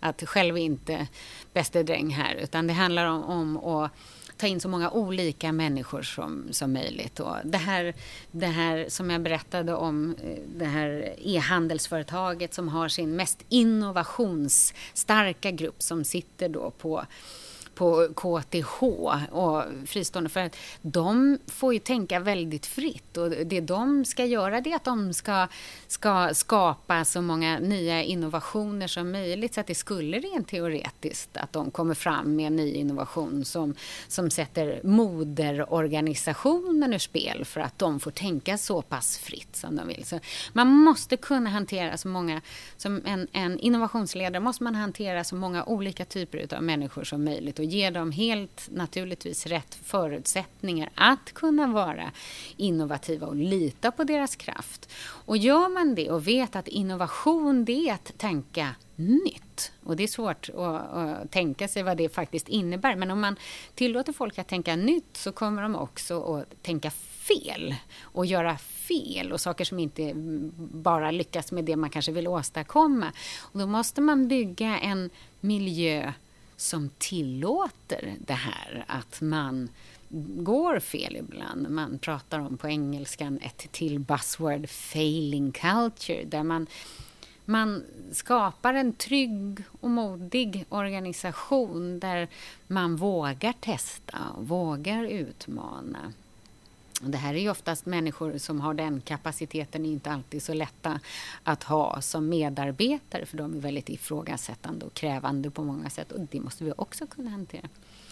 Och sen så är det en utav de mest spännande insikterna som jag fick i den här studien som vi gjorde, som jag eh, inte såg komma. Och det är det, den om den svenska paradoxen, att vi i Sverige, vi är absolut i världsklass, bland de absolut främsta nationer på innovationer. Vi är absolut bäst på det. Vi har så många nya patent varje år och eh, per capita så går det inte att slå oss på fingrarna. Så där ligger vi i topp. Däremot så sjunker vi ner väldigt långt ner på listan när det handlar om att göra affär av våra innovationer och rulla ut våra innovationer så att de faktiskt får ett liv. Vi är bra på att komma på saker men inte hur vi ska liksom realisera dem och, och få ut dem på en marknad och få dem att funka. Det behöver man ju också ha en plan för. Inte bara det här att ja, ah, äh, vi, håller på, vi är ett litet gäng här som håller på och tänker ut lite spännande innovationer. Så äsch, det är ingenting sådär. Utan att man faktiskt vågar slå sig för bröstet och ha en tanke hela vägen ut. Hur ska den här produkten få ett fäste där ute? Hur ska jag göra för om jag verkligen tror på den här produkten, se att den får ett långt liv och kommer ut och kommer fler till gagn. Men du, varför är vi så dåliga på det då? Det är en jättebra fråga. Eh, eh, alltså får jag spekulera nu här? Och, och, alla som då, för det finns det ju naturligtvis inget entydigt svar på. Men, men jag, jag, tänker att det är lite så. Det kanske är att vi svenskar, vi har någon liten jante kvar i oss som gör att man inte får bräka så mycket som de som är bäst på att rulla ut sina innovationer är eh, the land over there. Och eh, det så jag tänker att det kanske har något med Jante att man säger äsch, den här grejen som vi håller på med, det är bara så ett litet hobbyprojekt. Det är så här kul att, att ni är intresserade av den. Eh, att hälsorörelsens insikt om att vi kan ta reda på vilka som kommer att få diabetes i framtiden, att det inte har nått ut till fler, det är ju ofattbart till exempel. Att vi behöver rulla ut de här sakerna. Men jag tror att det, det kan ha lite grann med, med Jante att göra. Att vi är kanske dåliga på kommunikation. Tillbaka igen till, till det vi började prata om, vikten av att ha faktiskt en kommunikationsutbildning bakom sig där, där man kan ge liv åt sin nya innovation och produkt för att få den att spridas över. Jag tycker att det är ofattbart att vi inte lär oss det bättre i skolan än vad vi gör.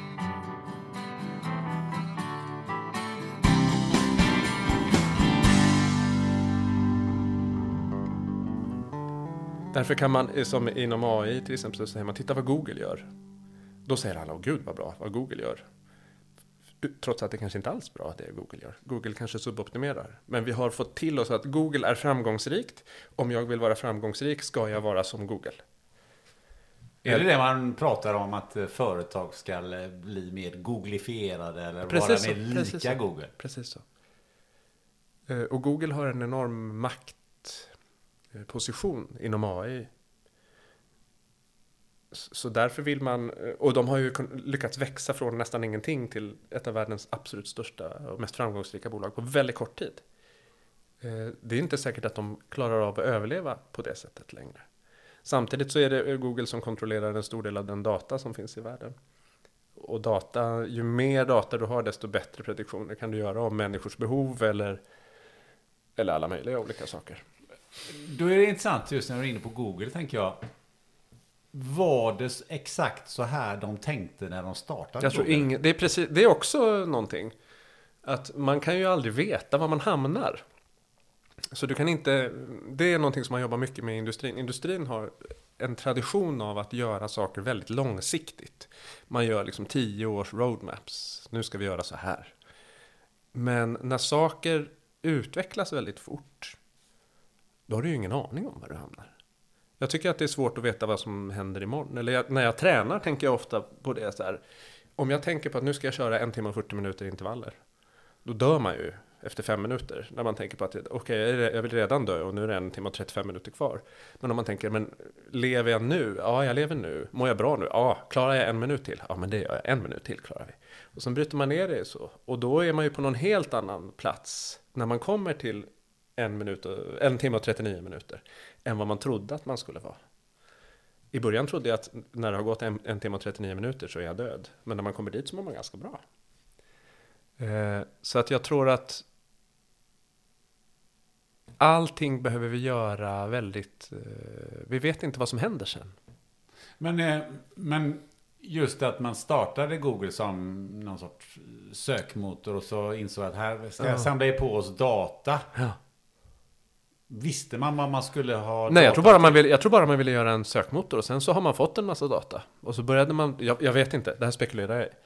Eh, Men jag tänker att de såg så här, okej, här fick vi en massa data, kan vi göra någonting med den här? Och sen samtidigt så 2012 så började deep learning slå igenom som eh, tillät att vi började kunna processa större mängder data. Vi fick också hårdvara som klarade av att eh, supportera större beräkningar. Eh, och sen så har de spunnit vidare på det. De släppte en ny algoritm för en månad sedan ungefär som heter PAM, En språkprocessalgoritm. Som har 540 miljarder parametrar. Så de är mest kraftfulla som någon gång har släppts eller använts. Och den kan den kan ju processa mängder data som är var otänkbart för eh, bara några år sedan. Men jag tror inte de hade det som plan då. Jag tror att de har eh, sagt, nu står vi här, vad kan vi göra nu? Vad blir outputen av den algoritmen? Outputen av den algoritmen vet vi inte heller riktigt. Där hörde jag en, en väldigt bra em, tanke av en, en person som heter Eric Schmidt som var vd för Google mellan 2001 och 2011 tror jag. Han sa när vi talar om AI, framtiden om AI så ofta ganska dystopiskt. Folk kommer förlora jobben eller eh, det kommer kanske inte finnas några jobb kvar eller kanske hela mänskligheten blir utplånad för att vi får skapar en sån stark AI som eh, helt enkelt utplånar oss. Så sa han, men när vi gör sådana prediktioner så gör vi som vanligt. Att vi försöker prediktera verkligheten utifrån var vi står idag. Och vi, vi ser heller inte hur AI i vissa avseenden har gjort oss enormt mycket mer kraftfulla på väldigt kort tid redan nu. Och när vi ser de nya algoritmerna som kommer så kanske de kommer kunna göra oss ännu mer kraftfulla som, som människa. Så att de kan förbättra vår intelligens eller förbättra vår kognitiva kapacitet eller så. Och då kanske det är en helt annan mänsklighet som står om ett tag. Om man inte har utplånat sig själva genom att skjuta massa eh, kärnvapen på oss eller få en, en pandemi eller så. Men också bara vår förmåga att ta fram nya vaccin till exempel eh, med, med covid var eh, tack vare deep learning-algoritmer bland annat. Så att vi, vi står ju på en bättre plats och vi har verktyg som vi inte har haft och de verktygen kommer att förbättras och förbättras. Om Google nu tagit fram den här algoritmen, hur kommer jag som, Mm. som människa eh, märka av det när jag googlar? Kommer det Det kommer, nej, det är, inte, det är inte en sån typ av... Det där är en intressant fråga för att de släpper inte API, eller de släpper inte tillgång till den här algoritmen till vem som helst. Eh, tidigare var det så att det var akademin som utvecklade saker, man forskade på saker och sådär. Eh, forskningen har flyttat in i bolagen eh, och bolagen väljer själva vilka de ger tillgång till de här resultaten. Det gör att om vi säger då att de här nya verktygen kan göra oss kognitivt starkare och så, och det är vissa bolag som bestämmer vilka ska, som ska få tillgång, så riskerar det såklart att skapa en, ett A och ett B-lag. Eller en, en teknokrati som som eh, är, är långt, långt före eh, de som inte har tillgång till dem. Men det intressanta är att det har skett ett skifte för att först så utvecklade, om man tittar på deep learning eh, enkelt, så först så utvecklade akademin deep learning Eh, ramverk som man kan använda, programmeringsramverk. Eh, de släppte man så att de blev publi- publika. Sen så kom eh, Google och Facebook in och också började ta över utvecklingen, utvecklade TensorFlow eller PyTorch eller så. Och började också släppa dem. Så att, och det gjorde att den tekniska utvecklingen kunde ta ordentlig fart. Det har varit en, en enorm utveckling de senaste tio åren. Men sen helt plötsligt då så har, har och, det ledde ju till en demokratisering av AI. Nu kan vem som helst, till och med jag som är helt värdelös på att programmera, kan programmera saker som för bara 5-6 år sedan krävde att du var eh, doktor eller professor i matematik eller programmering. Kan jag göra nu på fem rader kod. Så det är en, en fantastisk, eh, man, man, vi kallar det i en artikel abstraktionsexplosion. Att vi har fått tillgång till en abstraktionsnivå som är fantastisk. Men nu ser vi en tillbakagång där företagen tar tillbaka makten genom att använda all den här tekniska utvecklingen som har skett till att bygga ännu mer avancerade saker. Men de släpper de inte. Och då får du en koncentration av makten till ett fåtal spelare. Eh, som har helt andra intressen. Eller vi vet inte vilka intressen de har. Men vart kommer det att leda då? Jag har ingen aning. Om jag visste det så hade jag nog eh, köpt aktier i det. Jag visste att det skulle... Ja, men vad tror du att det kommer leda till? Eh, kanske inte just bolagsmässigt, men mera människomässigt? Jag tror att vi kan... Jag kan nog gissa det lika bra som någon annan. Eh, jag... Kanske får vi en A, ett A och ett B-lag. Men det har vi redan idag. A ett B-lag i form av människor? I, eller I form av människor. Eh, klyftorna ökar. Ett fåtal håller en väldigt eh, stor del av världens rikedom. Eh, jag tänker att man kanske får, också får en kognitiv eh, A och B-lag. Där de som är kognitivt starka blir ännu starkare.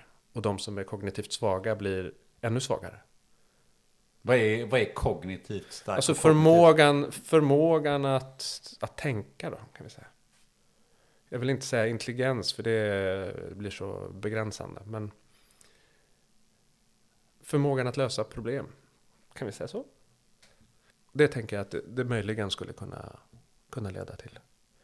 Det, om man, säger, man kan jämföra med, med mat. Om du inte äter så utvecklas inte hjärnan optimalt. Och då blir du dummare. Medan om du får bra käk så utvecklas hjärnan bra. Och då blir du, kan du ha lättare att uppnå din fulla potential. Trots att båda personerna kanske hade samma potential. Från början så hamnar de på olika platser. Om vi tänker att te teknologi blir som mat. Så vissa får äta och vissa får inte äta. Och sen så spär du på det dessutom med att vissa faktiskt på riktigt inte äter och andra äter. Så får du ett, ett A och ett B-lag. Eller en överklass och en underklass. Och polariteten där kan ju skapa motsättningar. När de som inte har det lika bra ser att de som har det bra har det så in i helvete bra. Så skapas ju motsättningar. Motsättningar resulterar i krig eller folkvandringar. Bräcker, där eh, kan man ju dra lite olika tankar, men, men vi var ju inne på det här med sjukvård. Till exempel. Sjukvård till exempel. Alltså, eh, vi eh, kan genom avancerad sjukvård leva 200 år. Mm. Men det är bara de som har tillgång till den precis, sjukvården. Precis så. Eller, eller bara titta i USA, allmän sjukvård eller inte allmän sjukvård. Allmän eller helt privat, privatiserad som är försäkringsbaserad. Skapar ju också ett A och ett B-lag. Eller min mamma satt i Indien en gång eh, på ett hospice där det låg en flicka med punkterade lungor och höll på att dö. För att hennes föräldrar hade inte råd att ta henne till, till doktorn. Det var en ganska okomplicerad operation men de hade inga pengar. Alltså hela, hela teknologiexplosionen i Indien bygger ju på att de faktiskt har fått mat och inte behöver jaga mat längre. Mm. Utan de, de faktiskt kan ägna sig åt att uh, tänka. Mm. Vilka väl. Delar av dem. Delar det, av det är enormt uh, splittrat land där du har en jätterik överklass. Men vart jag vill komma är liksom, har vi, kommer det bli världen som kommer bli splittrad? Eller kommer länderna att bli splittrade? Vad tror du? Nej men i fallet Indien så skulle jag kunna tänka, fallet fallet Sverige skulle jag kunna tänka mig att, att det blir ett A och ett B-lag i Jag kan tänka mig i landet. det också. För varför skulle man inte kunna... Men, men det kan bli ett, ett A och ett B-lag i landet. Samtidigt så är det så att det är få i Sverige som inte har mat. Om du jämför med Sydsudan till exempel, eller Ekvatorialguinea eller så. Där finns det inte käk ens. Eller Mauritanien. Eh, Mauritanien har ju fortfarande en öppen slavhandel till exempel. Då blir det såklart inom länderna men det blir också mellan kontinenter. Afrika är fortfarande väldigt, väldigt fattigt trots att Kina trycker in väldigt mycket pengar. Väldigt mycket infrastruktur eller så, men utbyte mot att ta deras råvaror. Vilket kanske innebär att det enda de har gjort är att köra in en dräneringsslang som dränerar landet på resurser. Under förespegling att ni får det bättre, för de får det bättre. Men inte så bra som de hade kunnat få.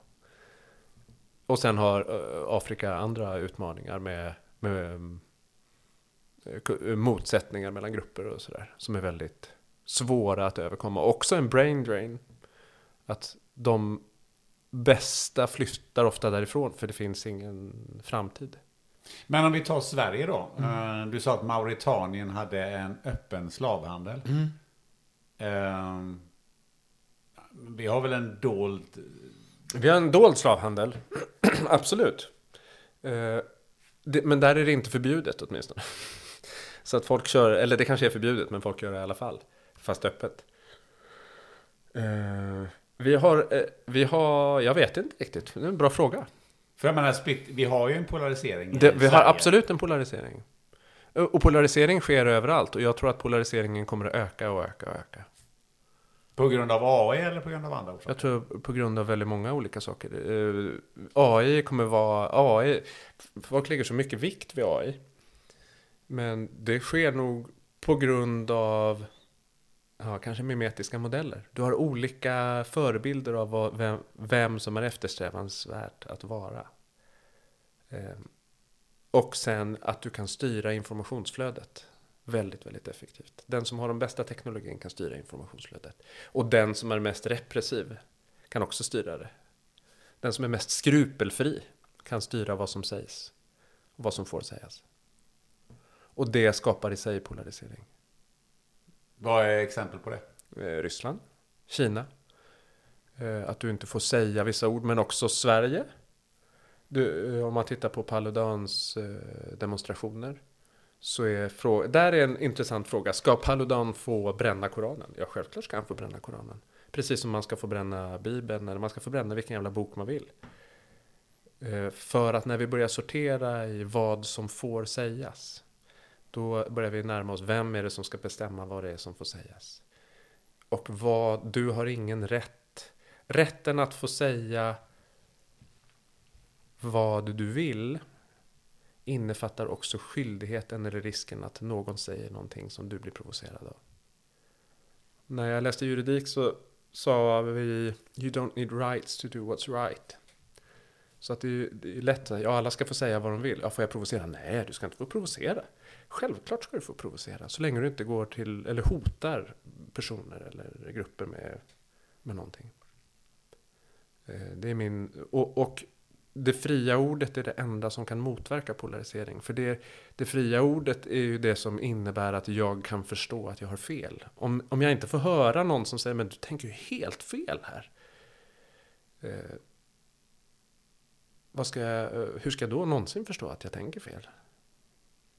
Men är inte det ett sätt att eh, tala om för Paludan att, eh, att han har fel? För att man säger att "Nej, men det där får du inte lov att göra.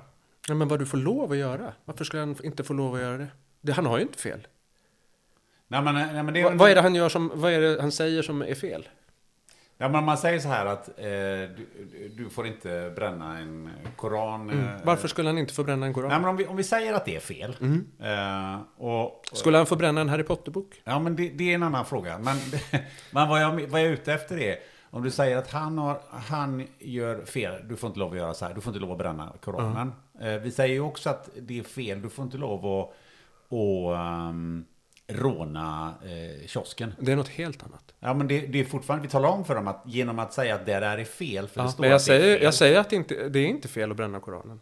Det är det jag säger. Nej, men om vi säger det så, skulle, så borde han ju, alltså, efter man säger att det är fel att, att råna kiosken, eh, för det säger vi, det har vi skrivit i en lag.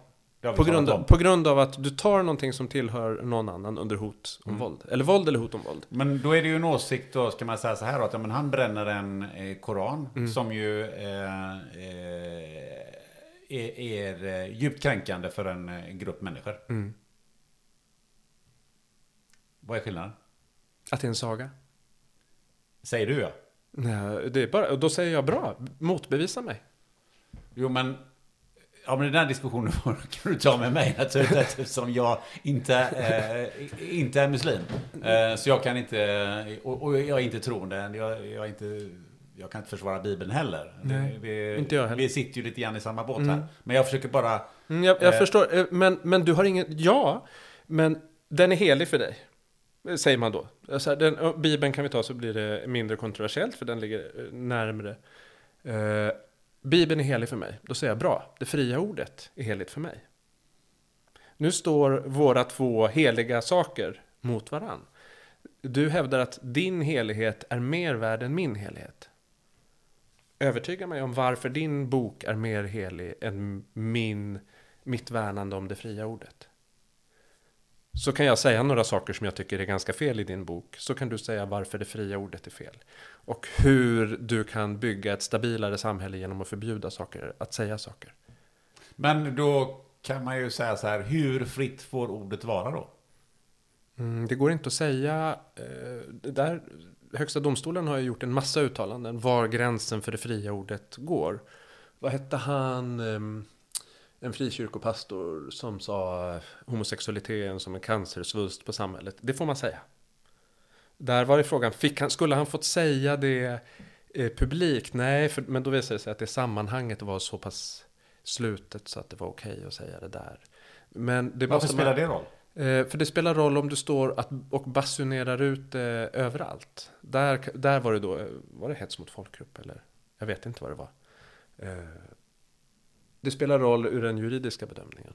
Om du säger saker eh, i ett slutet sammanhang eller i ett öppet sammanhang. Jo, det är ju en sak, men du, vi pratade alldeles nyss om det fria ordet. Mm. Hur fritt är det fria ordet? Varför bestämmer man att det fria ordet inte får sägas officiellt? Jag vet inte. Jag tror det är för vad att... tror du? Eh, ja, ja. Nej, men jag menar, jag tänker på att det, vi sätter det i relation till eh, koranbränningen till exempel. Alltså hur fritt får man lov att... Alltså, jag tycker att det fria ordet ska vara väldigt, väldigt fritt. Just av den anledningen att jag måste få kunna säga vad jag vill för att kunna bli, också kunna emotsäga vem jag vill. Framförallt det kanske. Om någon säger någonting så måste jag kunna säga, men jag tycker du har helt fel. Och sen så gärna, eh, och jag kanske till och med kan lägga fram några argument för varför jag tycker att du har fel. Och från början måste du också haft rätten att säga, jag tänker så här. Om du inte får säga det, för jag tänker de, de viktigaste slutsatserna i alla fall, tycker jag i, i världen, har vi kommit fram till när någon har sagt så här, jag tycker så här. Och någon annan säger, det tycker jag inte alls att du, där tycker jag du tycker helt fel. Och sen så möts de, spännande möten heter din podd. Mötet kräver ju att båda får säga någonting. Annars är det bara någon som står och censurerar vad som ska sägas. Du får inte säga så här. Eller jag blir kränkt av det här. Där tycker jag Alexander Bard säger så fint. Du måste kunna härbärgera dina egna känslor. Du får ta ansvar för dina känslor. Om du blir kränkt. För då kan vi säga så här. Om vi skulle använda du får inte kränka någon. Kan jag dra i kränkthetskortet hela tiden då? Så fort det är någon som säger någonting som skaver lite i mig. Typ, du borde sluta röka. Det är inte bra för dig. Nej men du, nu blir jag kränkt här. Så får du inte säga. Jo men det måste jag väl kunna säga för att när du röker så eh, förväntar du dig sen, som vi pratade om, att, att du ska få del av mina resurser när du blir sjuk. För sjuk kommer du fan att bli när du röker. Eh, och jag är inte intresserad av att dela med mig av, av mina resurser till dig om du inte tar ditt ansvar. Sen är det där, det finns ju 50 sätt att angripa det där på. Att man kan säga, ja men utsätter vi inte alla för någon form av risk? Och skulle vi då bara sitta hemma och göra armhävningar och sit-ups och springa på stället för att inte utsätta oss för någon särskild risk och så? Eh, nej, men vi måste åtminstone kunna prata om det väl? Men varför tror du att eh, vi begränsar yttrandefriheten? Det gör vi. Sverige har väldigt, väldigt långtgående yttrandefrihet. USA har ännu mer långtgående yttrandefrihet. Men varför begränsar vi den till att Paludan inte får eh, bränna sin Han får bränna den. Ja, men han, man har ju begränsat det lite grann. Ja, du har begränsat det ibland. Man får begränsa det när man ser att det finns uppenbara risker för upplopp eller att personer blir skadade. Då får man säga att du får inte göra det. Men det är, det är ett undantagsfall. Eh, Sverige är föredömligt. För, för yttrandefriheten är helig för demokrati. Demokrati kräver yttrandefrihet. Fast det finns ju en sorts yttrandefrihet som är skyddad då i lagen. Mm. Men det finns ju en begränsning i yttrandefriheten som är mycket större i, i det sociala sammanhanget. Mm. Och där har vi ju det här eh, att eh, man säger att... Ja, du får skit för att du säger något. Ja. Nej, inte bara skit, utan du får, eh, du får någon säga till dig, det där får du inte säga. Då blir jag kränkt. Mm. Som du sa precis Mm. nu. Precis. Eller eh, Ebba Busch Thor som säger eh, någonting och sen så, eh, där kommer det som kallas cancel culture in. Eh, att du, du säger, eftersom du sa sådär så ska, får du inte vara med mer. Det Girard säger om mimetik är att... Vem är Girard? Eh, förlåt, eh, fransk filosof. Eh, som pratar om mimet mimetik. Eh, säger att väldigt snabbt om, om någon, vi vill gärna tillhöra de goda mimetiska modellerna. Och tvärt emot det då så eh, vill vi gärna ut, hitta den gruppen som är dum. Alltså scapegoating.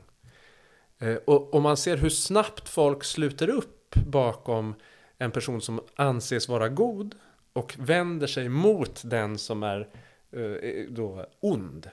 För, för att när du tillhör den goda gruppen så vet du åtminstone att du inte är ond. Eller gruppen kommer inte att attackera dig. Eh, så det är ju den sociala kontrollen och en vidrig form av det är egentligen mobbing. Någon säger någonting och vad gör vi då? Jo, då utesluter vi. vi. Vi förskjuter den för du får inte vara med här för att du provocerade oss. Du, du rubbade vår världsbild och sa någonting som vi inte tyckte om. Vad hade detta med Ebba Busch Thor Eh, Ja, Ebba Busch Thor, vad var det hon sa? Att varför är det hundra poliser som är skadade och inte hundra demonstranter? Eh, Som människor tolkade som att hon tycker att man ska skjuta demonstranter. Det var inte det hon sa. Hon sa, och, och vad, ja, vad jag tycker om Ebba Busch Thor är också irrelevant i sammanhanget. Men där är en, en grej att hon måste väl få säga så. Och det hon säger är, det är någonting som är skevt när poliser blir skadade men inte demonstranter. Behöver vi se över polisens våldsmonopol eller polisens resurser? Eller hur de eh, hanterar den här typen av situationer? Det var det hon sa. Men istället så får hon inte komma på Ellegalan. Du får inte vara med för du sa någonting som gjorde oss, eh, som provocerade oss. Och vi vill inte ha med människor att göra som provocerar. är ju det hon säger. Alexander Bard blev utsluten från Talang. Bianca Ingrosso vill inte jobba med honom. För att han sa någonting som jag inte riktigt minns vad det var han sa. Någonting som provocerade någon. Vi vill snabbt utesluta de som eh, stör oss.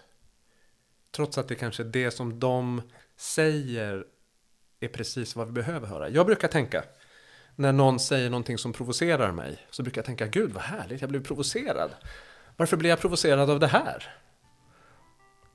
Nu blir jag ju sällan det, så därför så, jo, jag kan bli provocerad då av att någon säger, du får inte vara med. Men varför skulle han inte få vara med? Eller hon? Det är väl den viktigaste, det tycker jag är intressant. Vi måste älska, eh, omfamna provokationen mot att själva bli provocerade. För den säger någonting om var vi, var vi har låst fast oss. Men det du säger nu är att jag älskar att bli provocerad. Det är inte så många människor som älskar att bli Varför provocerad. inte det då? Ja, det vet jag inte. Nej, jag bara ställer frågan. Nej, jag-? Men det är du som har eh, då eh, Funderat. forskat, funderat och kanske forskat inom... Nej men för det betyder ju kanske att du behöver ändra dig. Och att ändra sig tar energi och är jobbigt. Och du kommer vara någon annan på andra sidan efter att du har ändrats. Som du kanske, du vet inte vem det är.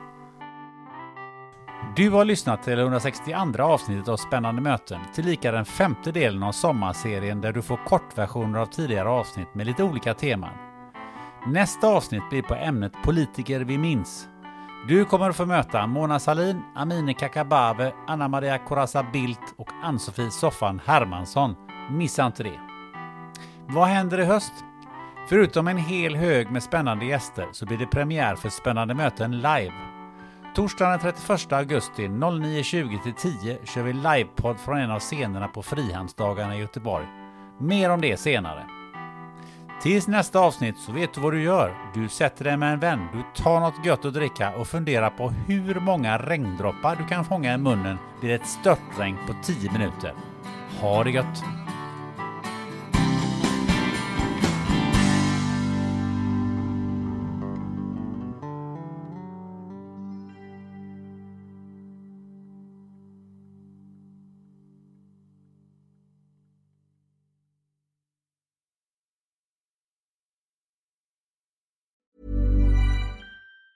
Planning for your next trip? Elevate your travel style with Quince. Quince has all the jet setting essentials you'll want for your next getaway, like European linen, premium luggage options, buttery soft Italian leather bags, and so much more. And it's all priced at 50 to 80% less than similar brands. Plus, Quince only works with factories that use safe and ethical manufacturing practices. Pack your bags with high-quality essentials you'll be wearing for vacations to come with Quince. Go to quince.com slash trip for free shipping and 365-day returns. Planning for your next trip? Elevate your travel style with Quince. Quince has all the jet setting essentials you'll want for your next getaway, like European linen, premium luggage options, buttery soft Italian leather bags, and so much more. And is all priced at 50 to 80% less than similar brands. Plus, Quince only works with factories that use safe and ethical manufacturing practices. Pack your bags with high-quality essentials you'll be wearing for vacations to come with Quince. Go to quince.com/pack for free shipping and 365-day returns.